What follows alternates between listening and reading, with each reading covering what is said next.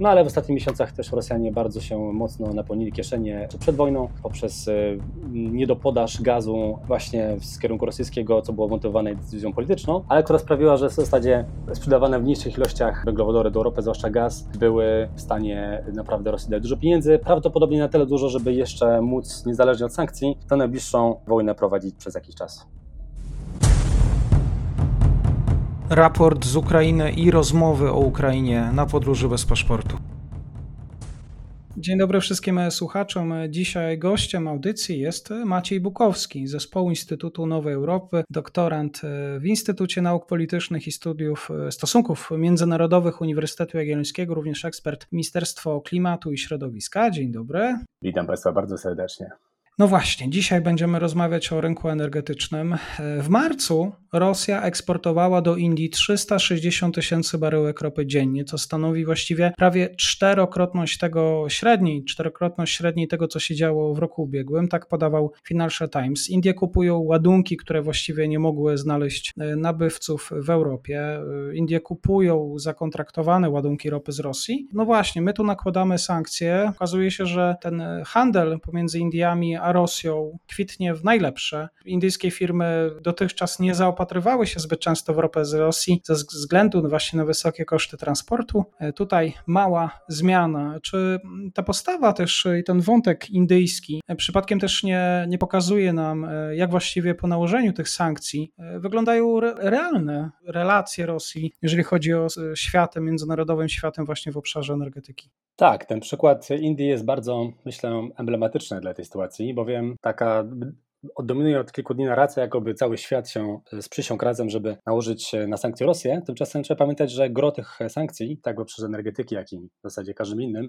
e, nałożone zostało przez państwa tak zwanego kolektywnego Zachodu. Po pierwsze, nie są one tym, tym samym nakładane przez inne potężne e, gospodarki, a z drugiej strony niektóre z nich, tak jak właśnie jak Indie, o których wspomniałeś, skorzystają z tej, tej sytuacji, żeby po prostu zaopatrzyć się w tańszy surowiec. Indie dotychczas importowały gro węglowodorów z kierunku bliskowschodniego, zwłaszcza ropy. Tam bodajże e, łączna podaż e, ropy, którą Indie pozyskiwały z Rosji, wynosiła jeszcze przed inwazją około 4%, ale teraz Indie, które nie bez powodu nie potępiły e, na arenie międzynarodowej inwazji Rosji na Ukrainę, E, nie, nie potępiły też jej w, w czasie głosowania w Radzie Bezpieczeństwa ONZ. E, korzystając z tej sytuacji, tak jak to miało miejsce, nawet było podkreślone w oficjalnym indyjskim komunikacie, że po prostu przyjmują tę sytuację z otwartymi ramionami, mogąc się zaopatrzyć w tańszy kruszek. Więc jakby z całą pewnością z jednej strony pokazuje ten przykład mm, jakby nierównomierność tej sytuacji, ale z drugiej też myślę, że na swój sposób no tak pokazuje to nie skalę tego, żeby użyć e, cytatu przewodniczącego Rady Europejskiej Charlesa Michela, takiej swego rodzaju przewrót kopernikański w energetyce europejskiej. To, co obecnie się dzieje, wydaje nam się, że już e, ma jakieś przełożenie na nasze życie bezpośrednie i widzimy pewne drgania na rynku, ale na dobrą sprawę tsunami, jakie przyniesie sytuacja wiążąca się z wyniku z nałożenia sankcji na rosyjską energetykę, jest e, no właśnie przewrotem, e, który będzie prawdopodobnie miał no, skalę może nawet kryzysu naftowego z lat 70. Nawet takie analogii dokładnie użył kilka dni temu francuski minister finansów Lemech. Przy czym w tym wypadku, po pierwsze, skala tego e, jakby kryzysu jest znacznie szersza, ponieważ nie toczy się tylko ropy, a po drugie, no, odbywa się w trzech wymiarach: krótkoterminowym, średnioterminowym i dalekoterminowym. Wspomniałem oczywiście o Indiach, ale czy Niemcy w jakiś sposób zweryfikowały sobie dostawców, jeżeli chodzi o rynek energii?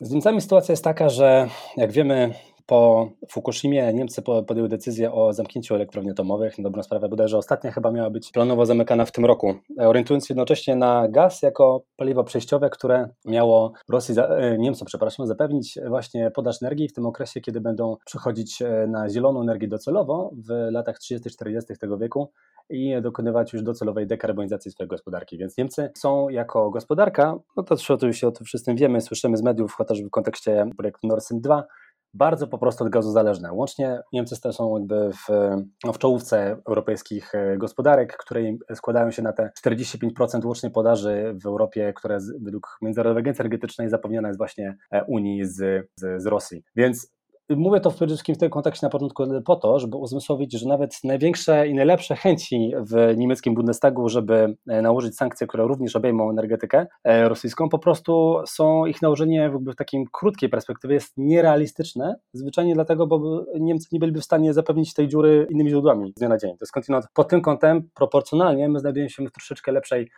sytuacji, zważywszy chociażby na fakt, że magazynowanie gazu u nas e, funkcjonuje znacznie lepiej. Ale warto myślę, że jeszcze wskazać na jedną rzecz. E, tutaj w, to nawiązuje do tego ostatniego zdania, odpowiadając na Twoje poprzednie pytanie, że ta sytuacja rozwija się jakby w takich trzech wymiarach: krótko, średnio i dalekoterminowym. I w tym krótkoterminowym rzeczywiście Niemcy, tak jak nawet może by chcieli ale nie mogą nałożyć skutecznych sankcji na rosyjskie węglowodory, tak w średnioterminowej perspektywie, najbliższych kilku lat, wydaje się, że ta propozycja Komisji Europejskiej przedstawiona raptem kilka dni, która miałaby, realizacja miałaby na celu niejako derusyfikację europejskiej energetyki, i e, ograniczenie e, importu samego gazu z Rosji o 2 trzecie w perspektywie do końca najdalej tej dekady, no to jest to się rzeczy plan, pod którym no Niemcy też musiały się, musiałyby się podpisać. Prawdopodobnie ta propozycja została e, przedłożona, gdzieś już poprzednio uzyskawszy przynajmniej cichą zgodę Niemiec na to.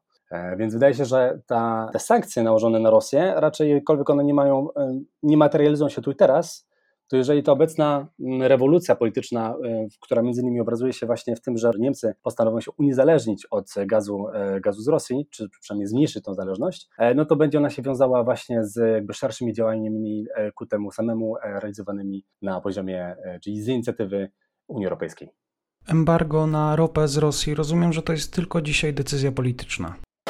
czy jest to decyzja polityczna? Takie mamy czasy, że decyzja polityczna czasami ważą więcej niż, e, niż decyzje gospodarcze, bo po prostu się strach. Na przykład warto pomyśleć o tym, że obecne ostatnie, e, jakkolwiek raptem ostatnie 2-3 dni już trochę ceny poszły w dół, to jednak zasadniczo strach wiążący się z tym, że ceny ropy poszybują do nawet 150 dolarów e, za baryłkę, czy tak jak straszył wicepremier Rosji kilka dni temu, może nawet 300 dolarów, co wydaje się być skądinąd dość abstrakcyjną liczbą, ale Całe, wszystkie te wzrosty wiązały się w chwili właśnie obecnej, w ostatnich tygodniach, nie z autentycznym brakiem, brakiem podaży, tylko z tą psychologiczną barierą wiążącą się z tym, że potencjalnie ten brak mógłby nastać w momencie, kiedy Rosja byłaby zmuszona do, mm, czy zmuszona, czy zachęcona do tego, żeby nawet w odwecie uciąć po prostu ten swój eksport e, na przykład ropy właśnie do Europy. Międzynarodowa Agencja Energetyczna szacuje, że nawet mogłaby ta spaść, e, spaść ten eksport o 3 miliony baryłek dziennie, czy jakieś tam 30%. Więc pod tym kątem decyzja polityczna jest daleko idąca w skutkach, może być. Natomiast e, z drugiej ze strony niekiedy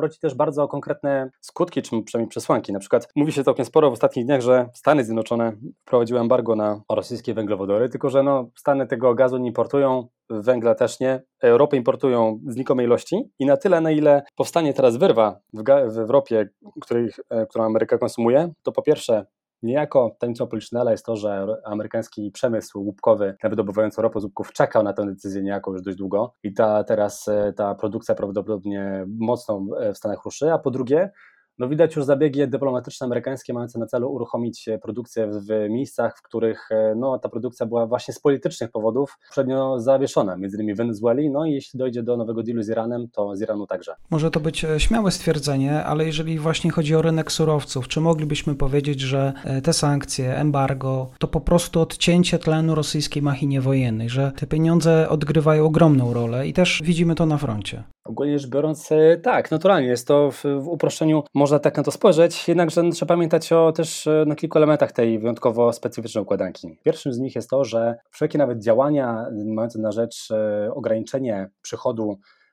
rosyjskiego e, fiskusa właśnie z, z węglowodoru sprzedawanych na przykład w Unii Europejskiej, czy Wielkiej Brytanii, czy Stanach Zjednoczonych, no muszą być jednak um, analizowane przez pryzmat faktu, iż no, e, rynki energii są dzisiaj globalne. Cena docelowo osiąganego kruszca jest wypadkowo nie tylko działanie realizujące się na jakimś um, wycinku, czy geograficznym, czy politycznym, ale jednak jest wypadkową całego koktajlu czynników, również przykład tego, jak wspomnieliśmy na początku rozmowy, że z jednej strony na przykład u nas rośnie właśnie teraz chęć, żeby to ograniczenie ograniczenie tej zależności od importu z, z kierunku rosyjskiego ograniczyć maksymalnie, ale jednocześnie to wahadło się przechyla w drugim kierunku, tam gdzie inne kraje chcą po prostu na tym zyskać i na przykład taką przecenioną ropę, ropę kupować. Więc ja byłbym, jakkolwiek oczywiście to jest takie stwierdzenie dość e, może na wyrost i be, może na tę chwilę nie poprę go jakąś taką szeroką ekonomiczną analizą, ale zasadniczo rzecz biorąc myślę, że e, podpisuje się pod takimi apelami o ostrożność, e, którą myślę, że część analityków dzisiaj formułuje, że taki wniosek, jakoby ograniczenie samo poprzez sankcje importu z Rosji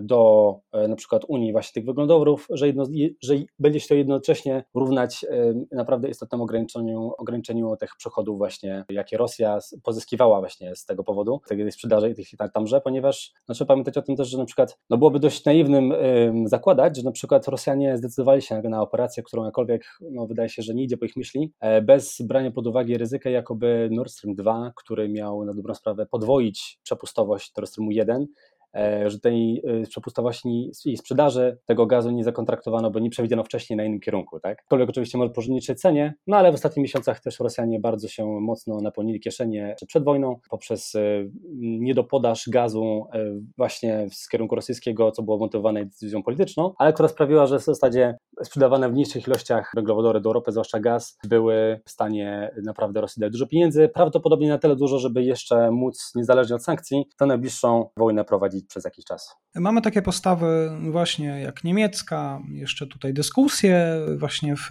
wśród partnerów europejskich, ale na przykład e, sytuacja z Bułgarii. Bułgaria ma nie, nie będzie negocjować e, z Gazpromem nowej długoterminowej umowy na dostawę gazu. Tak poinformował właściwie dzisiaj w publicznym radiu wicepremier i minister finansów Wasilew, e, bułgarski minister. Czy drogo Bułgarii, też ten przykład, też oczywiście przykład Polski, bo i w Polsce pojawiają się takie głosy, deklaracje, polityczne. Czy tą drogą idą, idą też inne kraje? Czy ta Ukraina zweryfikowała też patrzenie przywódców europejskich, nie tylko na to, jak z Rosją należy te interesy prowadzić?